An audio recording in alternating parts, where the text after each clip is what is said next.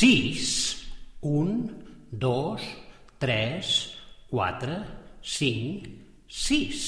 Sis contes petits.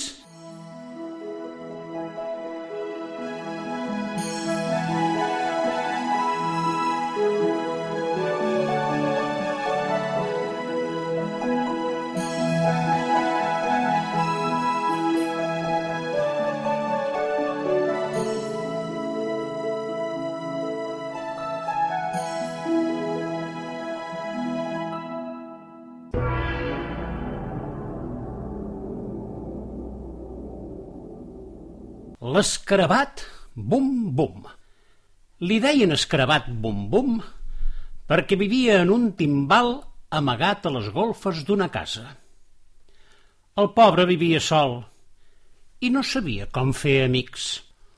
Un dia se li va acudir saltar sobre el timbal i es va donar que cada cop que botava damunt la pell del timbal aquest feia bum durant molt de temps es va dedicar a estudiar les mil maneres de botar damunt del timbal, és a dir, que va aprendre tot un munt de ritmes de percussió, que vol dir les mil maneres de fer sonar un timbal. Els habitants de la casa estaven molt preocupats perquè cada nit sentien el bum, bum que feia l'escarbat. Van regirar la casa de dalt a baix i no van trobar res que justifiqués aquell soroll. Fins i tot van arribar a entrar a les golfes, però hi havia tantes coses guardades que no sabien per on començar. Cansats de tant bum, bum, van decidir deixar la casa. Durant molt de temps aquella casa va quedar abandonada perquè tothom deia que estava encantada, fins que, un bon dia, la va comprar un músic que s'havia quedat sense inspiració i no li sortien les cançons. També estava ben sol, ja que ningú el volia a la seva orquestra perquè, a més de perdre la inspiració, també va perdre el sentit de l'afinació. De res no van servir els advertiments dels veïns del poble que li deien que la casa estava encantada. El músic va portar el seu piano i s'hi va instal·lar, i un cop instal·lat es va posar a compondre música. Però res, no li sortia res de res. A mitjanit, quan era al llit, va començar a sentir el bum, bum, bum, bum. Va saltar del llit i es va espantar molt. Fins i tot va estar a punt de fugir, però de seguida va donar-se que aquell bum, bum, seguia un mateix ritme que, no sé ben bé per què, el va dur al piano i el va fer posar-se a compondre una melodia. L'escarabat de les golfes va sentir aquella melodia i la va acompanyar fent diferents percussions sobre el timbal. A l'endemà, el músic tenia enllestida una bonica cançó. Quan la gent del poble va sentir aquella cançó, es va apropar a la casa poc a poquet i, sense entrar-hi, van seure al jardí per escoltar-la. El dia següent va passar el mateix, i així, un dia darrere l'altre, el poble s'acostava a la casa per sentir una nova cançó. L'escarabat i el músic van compondre moltes cançons, cançons on el timbal era una part molt important de la partitura. El músic mai no va voler saber qui era que l'inspirava amb aquells repics de timbal. Va pensar que no li passés com el sabater del conte, que en descobrir qui li feia les sabates. Es va trobar que els follets van marxar. L'escarabat tampoc va voler conèixer el músic perquè vés a saber si se'l creuria que era ell qui tocava el timbal o fins i tot que no l'arribés a esclafar, perquè no sé ben bé per què, la gent acostuma a esclafar els escarabats. El cert, però, és que ni ell ni el músic es van tornar a sentir mai més sols.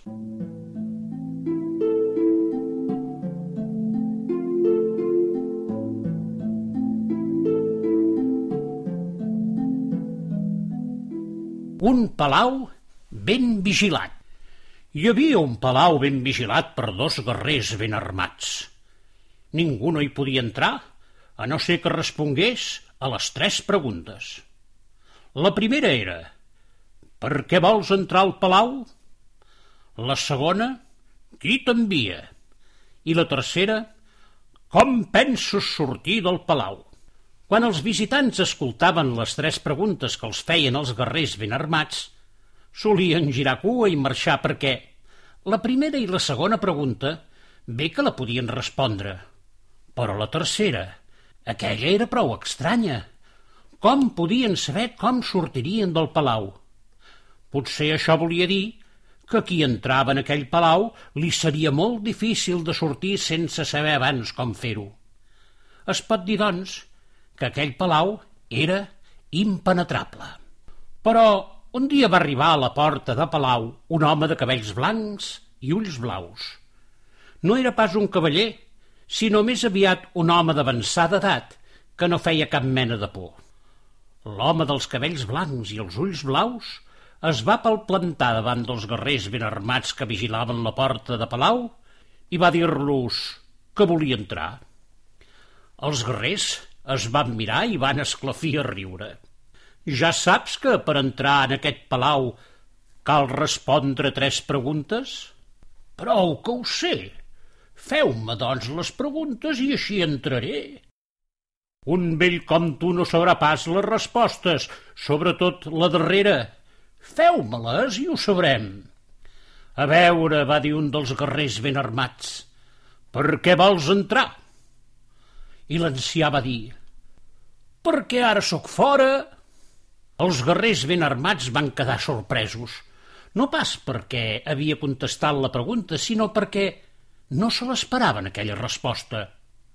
Altres cavallers solien respondre «perquè vull entrar», «perquè m'esperen o fins i tot», «perquè volien conquerir el palau». De seguida, però, van formular la segona pregunta. «Qui t'envia?» I l'ancià va dir, el rei Micomicó, que és de tots el rei més bo. Sorpresos de nou amb aquella nova resposta, els guerrers ben armats es van mirar i no se'n sabien avenir. Altres cavallers havien donat respostes més lògiques com el jutge, m'envia l'enemic, o fins i tot alguna de més cursi com l'amor m'envia. Sense temps a reaccionar, L'home dels cabells blancs i els ulls blaus els va demanar la tercera pregunta. Els guerrers ben armats es van disposar a fer la tercera pregunta convençuts que no la sabria respondre i que l'ancià, com tots els altres que havien volgut entrar al palau, giraria cua i se'n tornaria pel lloc on havia vingut. Així és que li formularen. Com pensa sortir de palau? I l'ancià medità un xic la resposta i va dir amb veu molt forta «Per la porta!» Aleshores, la porta es va obrir de bat a bat i el rei del palau va sortir a donar la benvinguda a l'ancià. «Benvingut, pare! T'estava esperant!» Els dos guerrers ben armats que vigilaven la porta del palau van saludar-lo amb una gran reverència i tot donant-li la benvinguda li van retre vassallatge.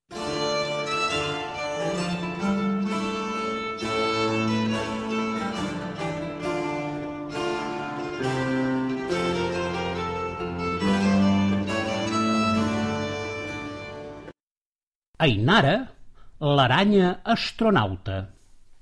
De ben petita, una aranya que es deia Ainara tenia la falera de ser astronauta.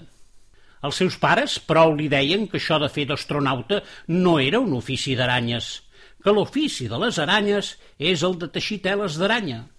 Però Ainara no baixava del burro i com més li deien, més volia ser astronauta. Tant i tant era la seva falera que al final ho va aconseguir. Sabeu com? Doncs veureu.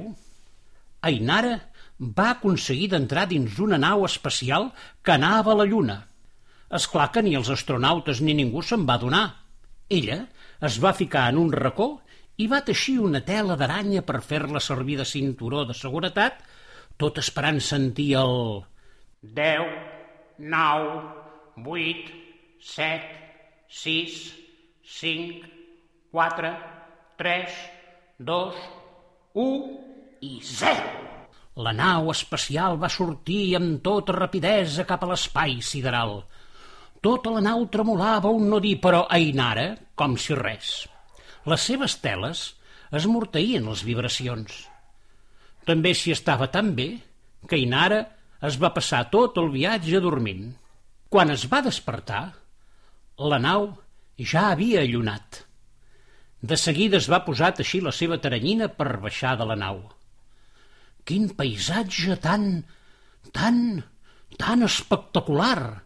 va dir mentre davallava lentament. Hi havia un munt de forats i moltes roques escampades per tot arreu. Quan Ainara va posar les vuit potetes damunt la lluna, va començar a córrer amunt i avall. Com que les aranyes pesen poc, més que córrer semblava que volava, i gràcies a les seves teles que s'aferraven a les roques, podia anar d'un lloc a l'altre. Estava tan contenta que no es va donar que la nau s'enlairava de nou per tornar a la terra. Ainara es va quedar a la lluna tota sola, però no es va preocupar gens ni mica.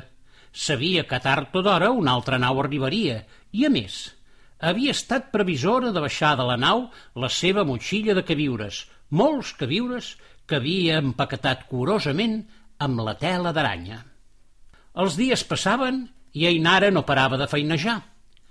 El primer que se li va acudir va ser teixir teles d'aranya per tapar tots els forats de la lluna, no fora cas que cap astronauta hi caigués. Com que amb això no en va tenir prou, va pensar de fer un vestit a la lluna. Us imagineu un vestit per la lluna? Doncs sí, Ainara va decidir ser la sestresa de la lluna i li va començar a fer un vestit molt bonic.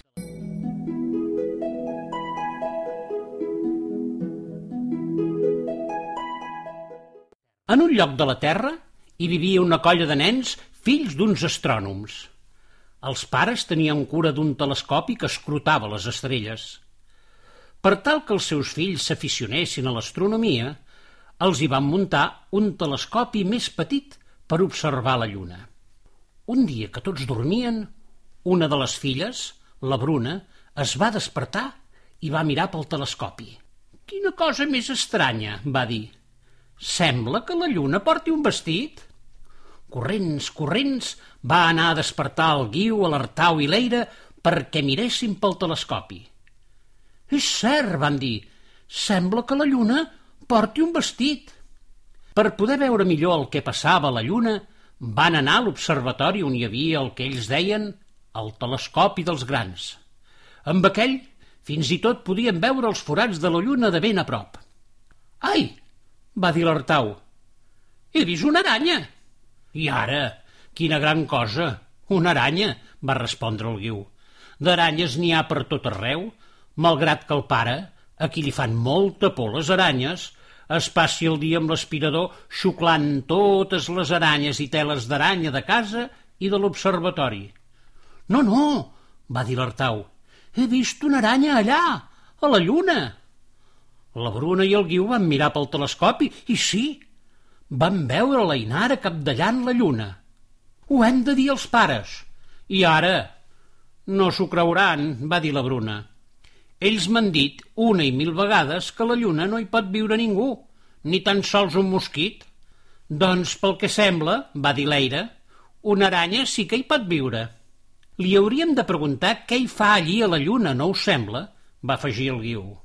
No cal, va dir la Bruna. Està ben clar el que hi fa. Està fent-li un vestit a la lluna. I sense dir res més, es van passar una bona estona observant com Ainara teixia els seus fils i anava vestint la lluna. Després se'n van anar a dormir. Vosaltres també podeu veure el vestit de la lluna. Quan? Quan vosaltres veieu brandar en el cel una lluna blanca, blanca, tota blanca. La lluna, la lluna, un vestit llueix, la irana, la irana és qui la vesteix. Farcellet. Hi havia una vegada una nena que vivia sota d'un pont. No tenia pare ni mare ni ningú que la cuidés. Tot i així, cada dia es llevava i anava a escola com qualsevol dels nens i nenes que anaven a escola, només que ella ni venia d'una casa ni hi tornava. Casa seva era aquell pont de pedra que la gent creuava per sobre del riu.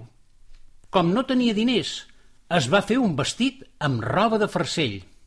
Aquella roba de farcell que les pageses fan servir per portar l'esmorzar els dies de mercat.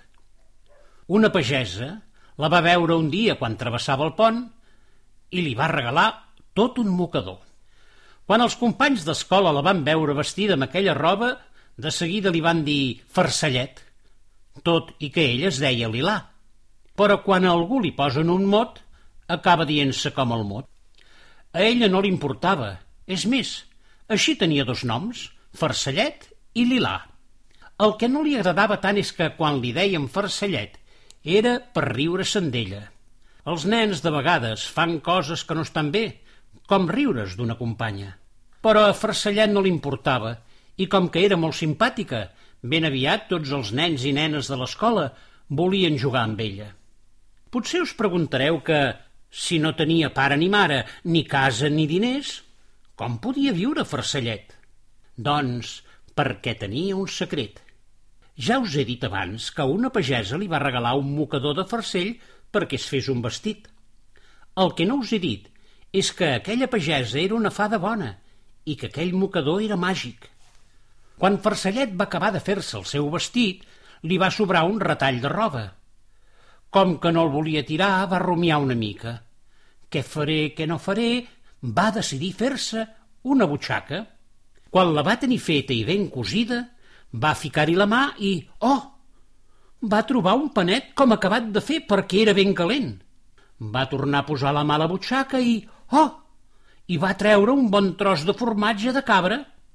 És a dir, que d'aquella butxaca en treia menjar. Però la cosa no acaba aquí. Un dia, quan anava a escola, es va posar a ploure. Ella que sí, que es posa la caputxa de farcell, però... I els llibres, i les llibretes, i l'estoig amb els llapisos, on els posaré que no es mullin? I sense pensar-s'ho gens ni mica, se'ls va posar a la butxaca. Aviat va veure que d'aquella butxaca no només treia menjar, sinó que servia per guardar-ho tot. Però quan dic tot, és tot tot, eh? Ni que fos una cosa molt grossa.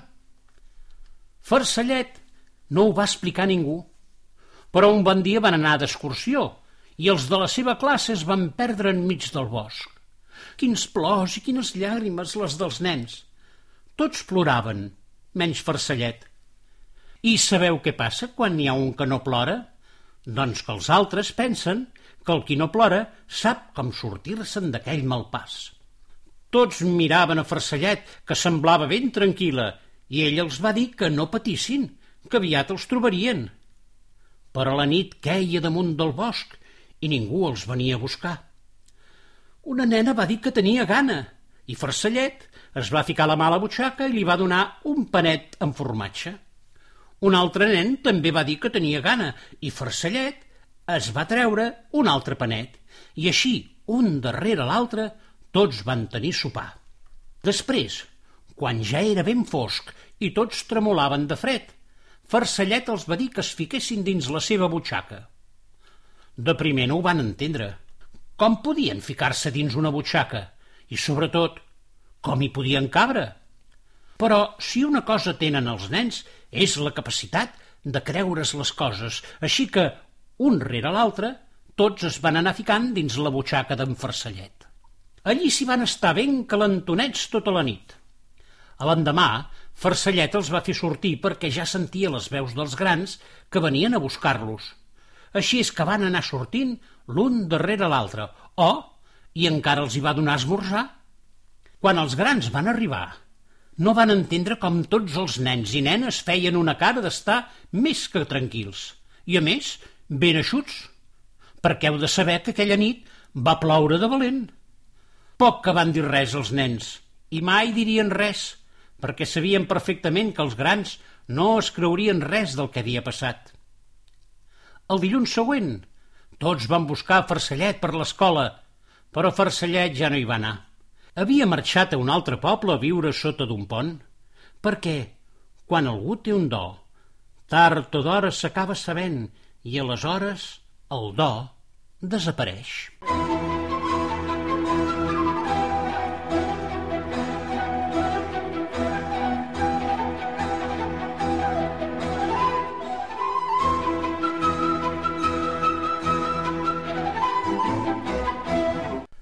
La carretera. Una vegada hi havia un bosc frondós. Els animalets del bosc anaven i venien d'un lloc a l'altre sense cap més impediment que els seus propis límits. Però vet aquí que una nit sentiren un gran terrabastall. Tots els animalets del bosc es van amagar al seu cau, temerosos d'aquell soroll tan aixordidor. A l'endemà es van trobar que el bosc havia quedat dividit per una carretera que el travessava de cap a cap i impedia anar d'un lloc a l'altre i campar-la com abans. A una banda de la carretera es trobava un ratolí que feia uns dies havia anat a veure uns parents a l'altre extrem del bosc i que en tornar s'havia trobat la carretera que li impedia arribar a casa seva. Fet i fet, va dir, aquesta mena de franja de color gris deu ser com el riu que hi ha a l'altra banda del bosc i potser amb una fulla de nanúfer fent-la servir de barqueta el podré passar. Però la carretera no era com un riu, sinó més aviat com una pedra. Ben pensat, però, va tornar a dir. Jo bé que trisco pels pedregars. No ha de ser massa diferent aquesta cosa. Just en aquell moment, una mena de cosa va passar tan arran d'ell que quasi li esclafa els peus. Ui, quin ensurt, mare de Déu! Si arribo a passar, aquesta cosa m'esclafa. Aquella cosa no era altra que un cotxe que circulava per la carretera i darrere seu van començar a passar un munt de cotxes i de camions i motos i tota mena de vehicles. Era del tot impossible travessar la carretera per anar a casa seva i no arriscar-se a morir esclafat. I mentre rumiava com s'ho podia fer, un esquirolet el va cridar des de l'altra banda. «Ei, amic, no pots passar, oi? Això que han fet aquí se'n diu carretera. Jo ho sé, perquè un parent meu li va passar el mateix. Però no pateixis, ell va trobar la manera de passar i, si vols, et vinc a buscar per ajudar-te. El ratolí va dir que sí, que tenia moltes ganes de tornar a casa seva. De cop i volta, va veure pel cel l'esquirolet volant d'una banda a l'altra de la carretera. Era un esquirolet volador, un d'aquells esquirols que salten d'arbre en arbre obrint les seves mans i els seus peus on hi tenen una mena de capa que els permet planejar.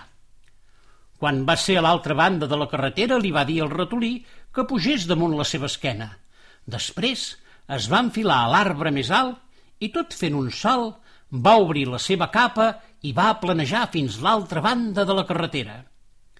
El ratolí va arribar ben marejat i es va jurar que mai més tornaria a pujar damunt d'un esquirol volador, tot i que sabia que des d'aquell dia no podria visitar els seus parents de l'altra banda del bosc. I és que, massa sovint, els homes fan coses sense pensar que damunt la terra hi ha altres éssers vius que han d'anar d'un lloc a l'altre.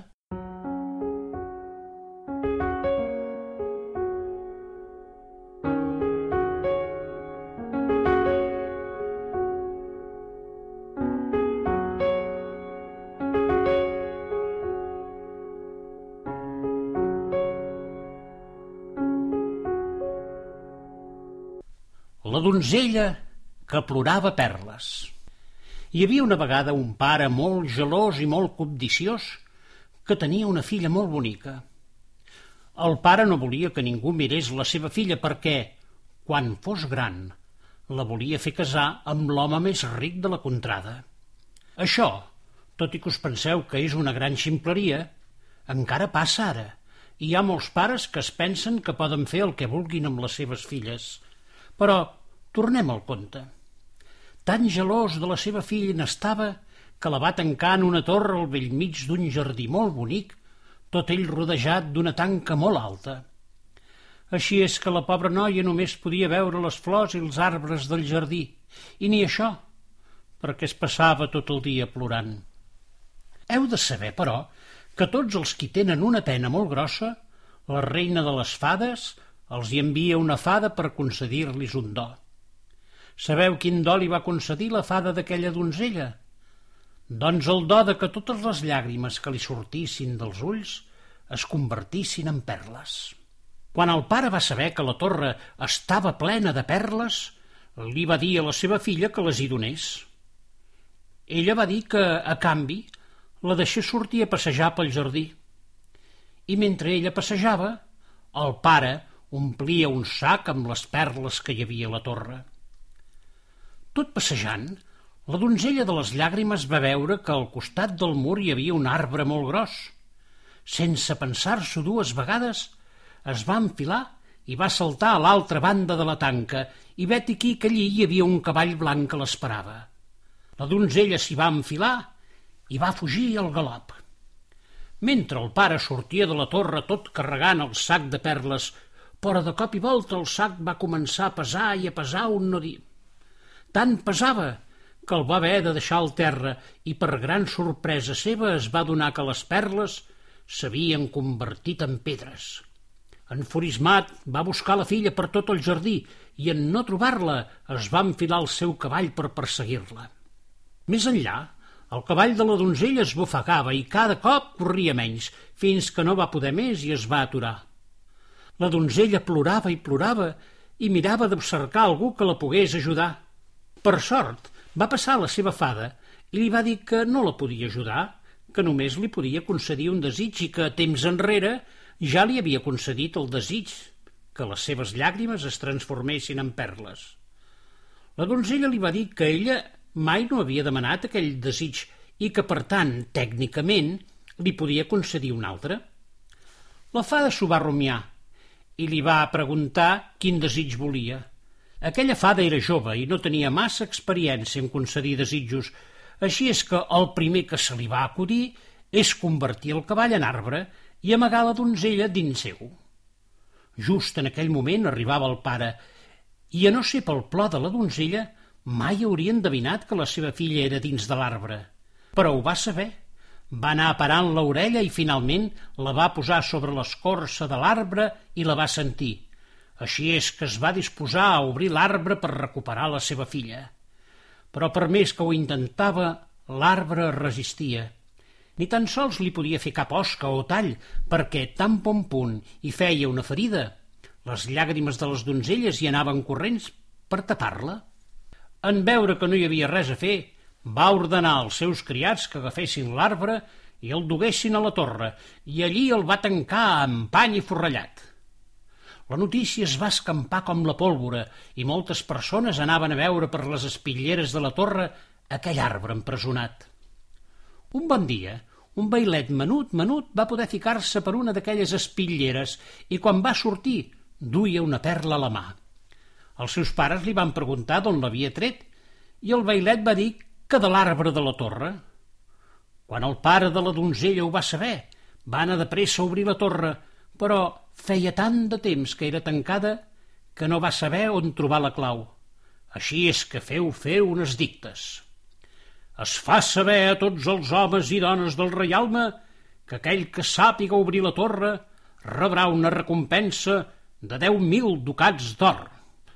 Deu mil ducats d'or eren molts diners. Se'n van arribar a presentar de persones, però cap ni una va saber obrir la porta. Cap? No, que va venir una noia de cabells daurats i ulls blaus que la va obrir tot fent servir el seu dit del cor com a clau.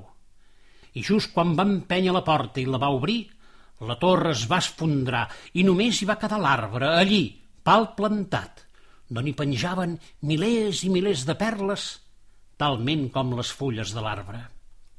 El pare va anar de pressa a agafar les perles, però així que en va agafar una, de nou la perla es va convertir en pedra, alhora que ell es convertia en estàtua. Just en aquell moment, l'escorça de l'arbre es va obrir i va poder sortir la donzella que es va agafar a la mà d'aquella noia de cabells daurats i ulls blaus. Sabeu qui era? Doncs era la fada que, pel seu mal aprenentatge, l'havia tancat dins d'aquell arbre. Les dues noies van fugir i mai més es va saber res d'elles. I l'arbre, us direu, què se'n va fer? Doncs l'arbre encara hi és, carregat de perles, i entorn seu un munt d'estàtues de pedra. Sabeu per què? Perquè diuen que només les persones netes de cor poden agafar les perles de l'arbre, que qui no és net d'acord es converteix en estàtua de pedra. La gent no gosa agafar les perles perquè temen no ser prou nets de cor.